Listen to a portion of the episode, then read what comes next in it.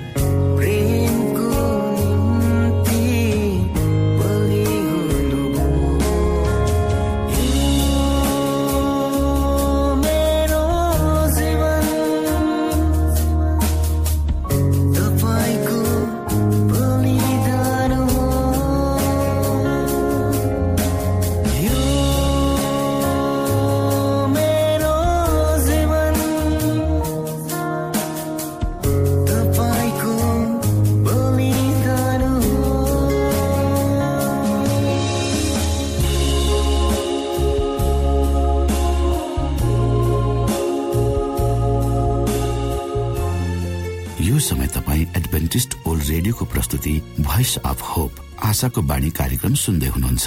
श्रोता मित्र यो समय हामी पास्टर उमेश पोखरेलबाट आजको बाइबल सन्देश सुन्नेछौ। श्रोत साथी न्यानो क्रिस्टी अभिवादन। म तपाईँको आफ्नै आफन्त अर्थात् पास्टर उमेश पोखरेल परमेश्वरको वचन लिएर पुनः तपाईँहरूको बीचमा उपस्थित भएको छु। मलाई आशा छ तपाईँका जीवनका हर क्षेत्रहरूमा परमेश्वरले अगुवाई गर्नुभएको छ। र तपाईँका पाइलाहरू निरन्तर रूपमा परमेश्वरतर्फ बढ्दैछन्। यही मेरो तपाईँहरूको लागि कामना श्रोता मित्र। आजको प्रस्तुतिलाई सुरु गर्नुभन्दा पहिले आउनुहोस् हामी परमेश्वरमा अगुवाईको लागि बिन्ती गर्नेछौँ। जीवी जिउँदो महान दयालु परमेश्वर प्रभु हामी धन्यवादी छौँ यो जीवन र जीवनमा दिनुभएको प्रशस्त आशिषहरूको लागि। यो रेडियो कार्यक्रमलाई हामी तपाईँको हातमा राख्दछौँ। यसलाई तपाईँको राज्य महिमाको प्रचारको खातिर यो देश र सारा संसारमा प्रयोग गर्नुहोस् ताकि धेरै मानिसहरूले तपाईँको ज्योतिलाई देख्न सक्नुहोस् र बुझ्न सक्नुहोस् र तपाईँको राज्यमा प्रवेश गर्न सक्नुहोस्। सबै बिन्ती प्रभु यीशुको नाममा आमेन।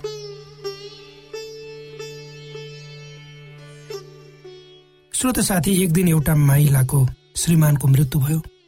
चिसो र सफा बिहानीमा ओछ्यानमा सुतिरहेको बेलामा उनी मरेको भेटिए श्रीमतीलाई बडो चिन्ता लाग्यो र उनी दुःखमा परिन् कि अब उनको श्रीमान यस संसारमा छैनन् भनेर।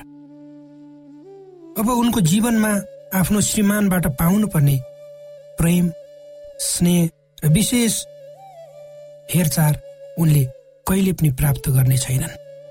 र उनीहरूको बिचमा एक आपसमा कुरा गर्ने खुसी साटासाट गर्ने फोनमा कुराकानी गर्ने सदा सदाको लागि बन्द हुन्छ र निवेशको भरमा हराएर जान्छ।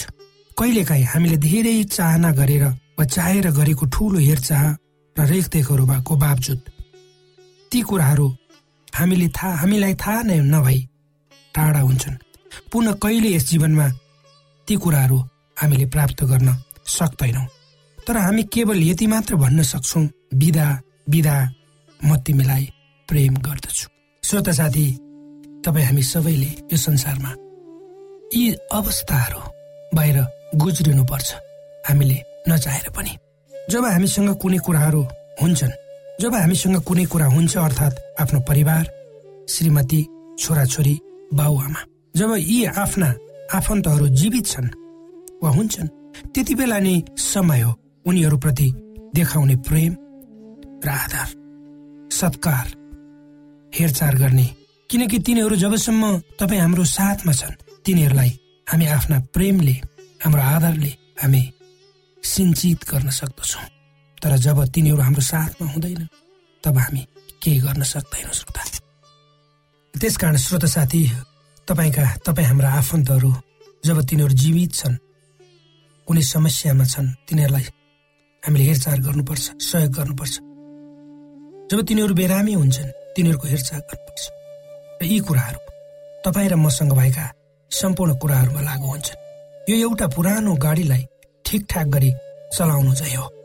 त्यसै गरी आफ्ना नानीहरू जसको पढाइ कमजोर छ तपाईँको कुकुर जसको काँधमा घाउ लागेको छ र तपाईँका वृद्ध माता पिता र हजुरआमा हजुरबा जो बिरामी छन् तिनीहरूको जीवनमा पनि लागु हुन्छ। उनीहरूको रेखदेख हेरचाह हामी गर्छौँ किनकि उनीहरू रेखदेख र हेरचाह अथवा माया ममताको लागि योग्यका छन् र हामी पनि उक्त कुरा गर्न योग्यका छौँ। कहिलेकाहीँ हामी सोध्छौँ देख्छौँ पनि जस्तै राम्रो अथवा खुबै मिल्ने साथी जो तपाईँ हामीसँगबाट टाढा भएका छन् अथवा तपाईँको बहिनीसँग सम्बन्ध विच्छेद गरेर बसेको भूतपूर्व ज्वाइँ आदि उदाहरणहरू हाम्रो अगाडि हुन सक्छ। हाम्रो जीवनमा यस्ता घटनाहरू हुन्छन् ती जसले हामीलाई जस्तो सुकै प्रतिकूलताको बावजुद पनि खुसी राख्दछन्। श्रोत साथी सबभन्दा महत्वपूर्ण कुरो के हो भने ती विशेष मानिसहरू हाम्रो जीवनमा हुन्छन् जससँग हामी नजिकको सम्बन्ध राख्छौँ तिनीहरूलाई हर तर्फबाट हामीले मद्दत गर्नुपर्छ। र खुसी राख्ने प्रयत्न गर्नुपर्छ र हामी गर्दछौँ। यो वास्तविक सत्य कसैले मेरो विषयमा सोच्यो र यो वास्तविक सत्य कसैले मेरो विषयमा सोच्यो? र मलाई भन्यो तब मैले पनि तपाईँहरूलाई विशेष आफ्नो निम्ति विशेष सम्झी यो वास्तविक सत्यलाई बाँड्दैछु। यो सोचेर कि मानव एक बिहान तपाईँ कहिले पनि आफ्नो बिछुनाबाट उठ्नुहुन्न। त्यसकारण जे जति आफ्नो साथी भाइहरूलाई गर्न सक्नुहुन्छ त्यो अहिले नै गर्नुहोस्। अर्थात् जसलाई तपाईँ प्रेम गर्नुहुन्छ त्यसप्रति आफ्नो प्रेम देखाउन कन्जुस्याई नगर्नुहोस्। श्रोत साथी आज म सोध्दै थिएँ म आज भोलि वा भरे भन्दै। श्रोत साथी आज म सोध्दै थिएँ आज भोलि र अर्को हप्ता भन्दै म मर्नेछु तर म यो सोच्ने साहस गर्दिन थिएँ। यदि मेरो लागि कुनै आवश्यक परेको आत्माको घाउलाई निको पार्नु छ भने। अथवा मेरो सहानुभूतिका शब्दले कसैको हृदयमा मलमपट्टि लगाउन सक्छ भने अवश्य म साहस गर्दिन थिएँ तपाईँका प्रत्येक मित्रलाई थाहा होस् कि तपाईँ उनीहरूलाई प्रेम गर्नुहुन्छ। यद्यपि तिनीहरू सोध्छन् कि तपाईँ उनीहरूलाई प्रेम गर्नुहुन्न भन्ने पनि तपाईँ छक्क र आश्चर्यमा नपर्नुहोला। यी दुई अक्षरको शब्द र तपाईँको ओठको मुस्कानले कति ठुलो फरक पार्न सक्दो रहेछ भनेर। यदि म मानु भोलि सदाको लागि यस संसारबाट विदा किन नहो? किनकि म उनीहरूलाई प्रेम गर्छु र आज अहिले नै प्रेम गर्दछु। र भोलिको लागि एक अर्कोलाई प्रेम गर्ने प्रतिज्ञा गरिएको छैन। श्रोता साथी हाम्रो जीवन अत्यन्तै छोटो छ। परमेश्वरले दिनुभएको यो अमूल्य जीवनलाई परमेश्वरको इच्छा अनुसार उद्देश्य प्राप्तिको खातिर उपलब्धिमूलक रूपमा आफ्ना प्रत्येक पाइलाहरूलाई जति सकिन्छ अरूको भलाइ र विकासको लागि बिताउँ। हाम्रो जीवनका प्रत्येक पल मिनट सेकेन्ड अति नै महत्वपूर्ण छन् र यो हाम्रो लागि दिएको हो। ताकि हामी समयसँग त्यसलाई उचित रूपमा आफ्नो हित र अर्काको खातिर प्रयोग गर्न सकौँ। यदि यसो गर्यौँ भने निश्चय नै जीवनमा जीवनका अन्तिम क्षणहरूमा गएर हामीले पछुताउनु पर्ने छैन। र आफूले आफूलाई धिक्कार्नु पर्ने पनि छैन। कतिपय मानिसहरू हाम्रो आफ्नै परिवार छिमेकीहरूमा आफ्नो अमूल्य समयलाई जाँड रक्सी सुरुट बेडी खाने तास जुवा खेल्ने झै खेल्ने झै झगडा गर्ने काटमार र त्यसको साथै लुटपाट गर्ने जस्ता कुराहरूमा खर्चिरहेका हुन्छन्।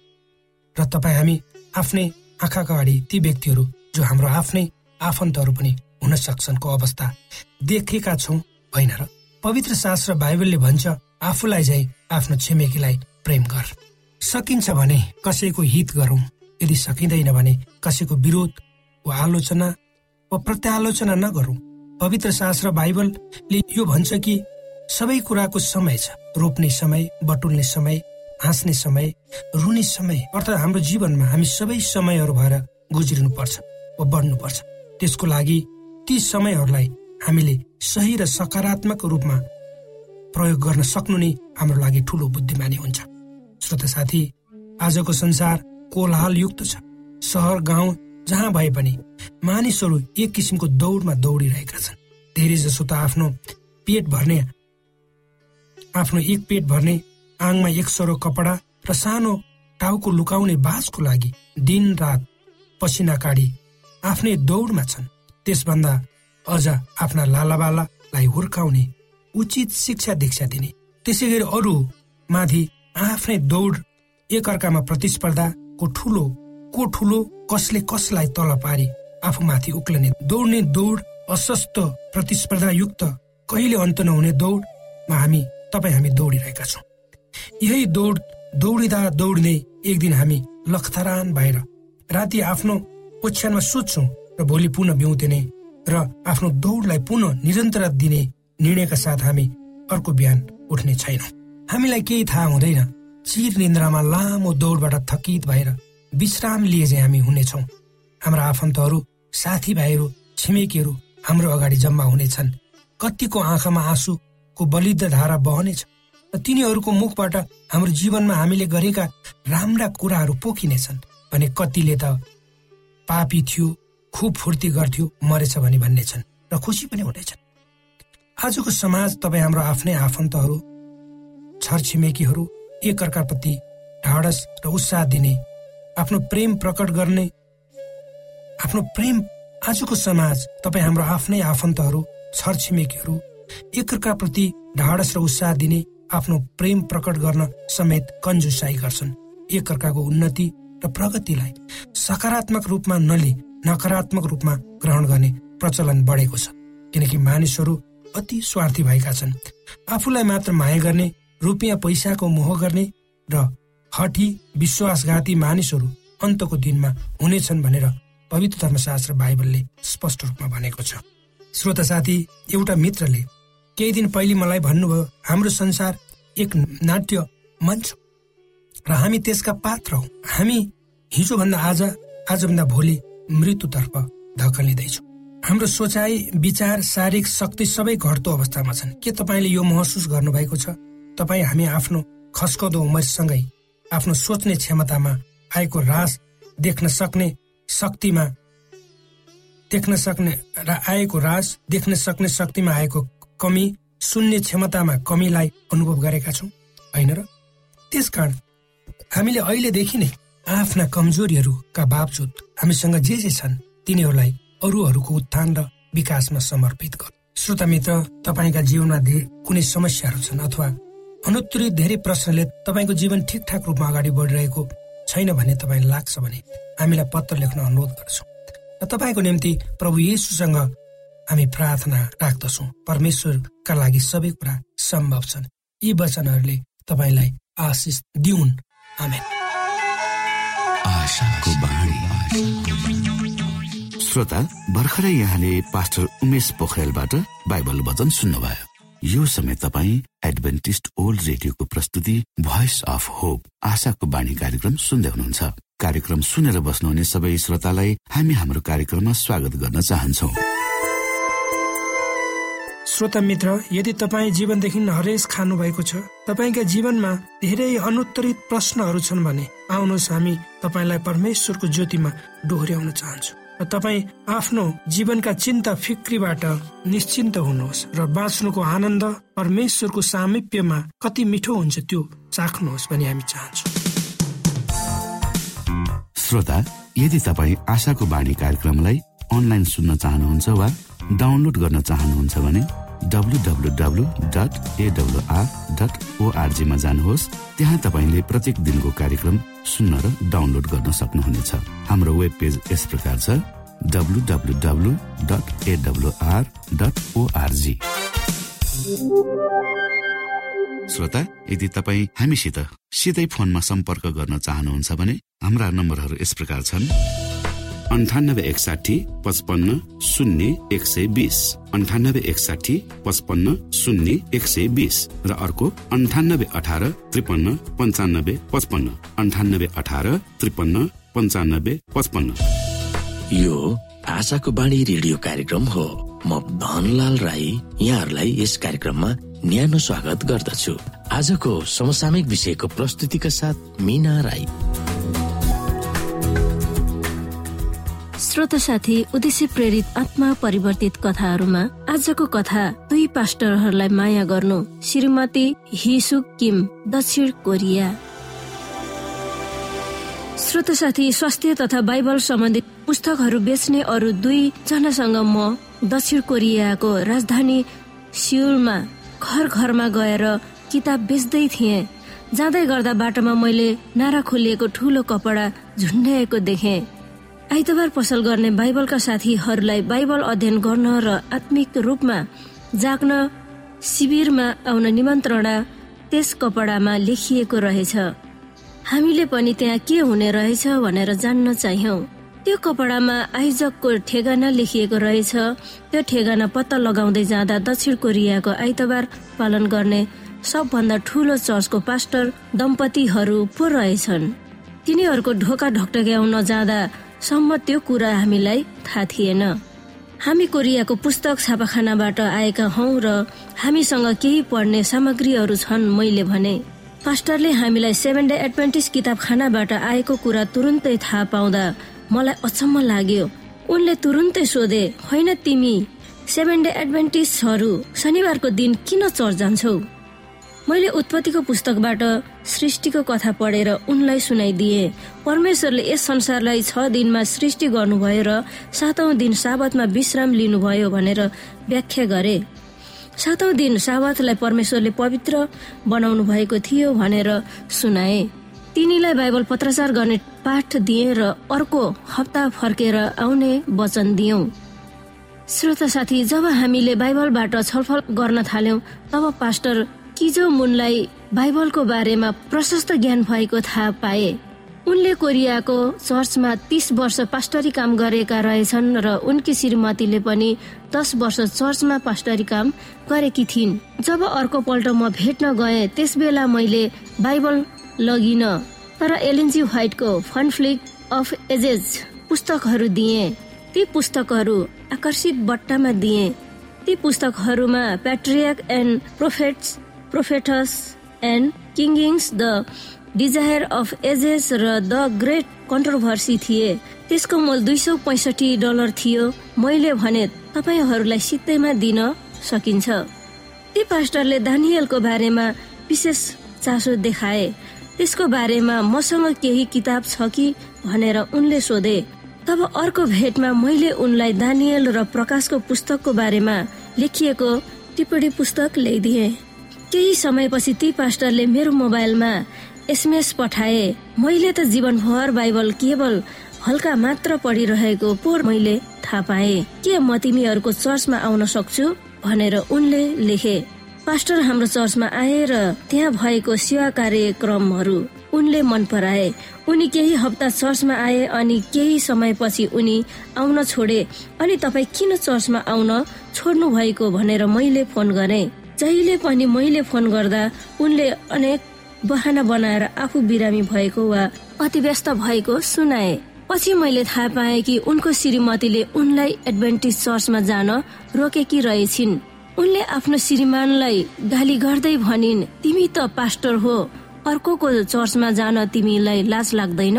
त्यही पनि मैले उनलाई चर्चमा आउन आग्रह गर्दै रहे। हाम्रो भेट भएको सात वर्षपछि मैले उक्त पास्टरलाई एडभेन्टिज चर्चमा हुने स्वास्थ्य कार्यक्रममा आउन निम्तो दिए। उक्त कार्यक्रमको विभिन्न समयमा सहभागीहरूलाई सन्चो बनाउने खालको विभिन्न जुसहरू दिइन्थ्यो। त्यस जुसहरूले मानिसहरूमा भएका विभिन्न विषादीहरूलाई निकालिदिन्थ्यो। जब मैले ती जुसहरूको बारेमा ती पास्टरलाई कुरा गरे तब त्यसको बारेमा आफ्नै श्रीमतीलाई भन्न मलाई अनुरोध गरे। त्यसकारण मैले उनको श्रीमतीलाई फोन गरे र श्रीमानसँग कार्यक्रम आउन अनुरोध गरे। उनले पनि आफ्नो श्रीमानसँग आउन मन्जुर गरिन्। उनले पहिलो पल्ट एडभेन्टिज चर्चमा आउन केही चासो देखाएकी थिइन्। श्रोता साथी त्यसपछि ती दम्पतिले सुसमाचार प्रचार कार्यक्रममा आउने निम्तोलाई स्वीकारे। श्रीमानले चाहिँ हाम्रो चर्चले सिकाएको विद्यालाई मन पराए तर चर्चमा संलग्न हुने कुरामा उनले अनाकानी गरेका थिए। अनि उनी र उनकी श्रीमतीलाई दोस्रो सुसमाचार कार्यक्रममा आउन निम्तो दिए। तिनीहरू प्रत्येक दिन सुसमाचार प्रचार कार्यक्रममा आए र एक दिन तिनीहरूले मलाई भने हामी त तिमीहरूको सन्देशमा पग्लिरहेका जस्तो अनुभव भइरहेको छ। हाम्रो भेटघाट भएको आठ वर्षपछि सन् दुई हजार सत्रमा दुवै श्रीमान र श्रीमतीले एडभेन्टिज चर्चमा बत्तिसमा लिए। परमेश्वरको वचन र हामीमा भएको स्वास्थ्यको सन्देशले तिनीहरूको जीवन परिवर्तन भएको थियो।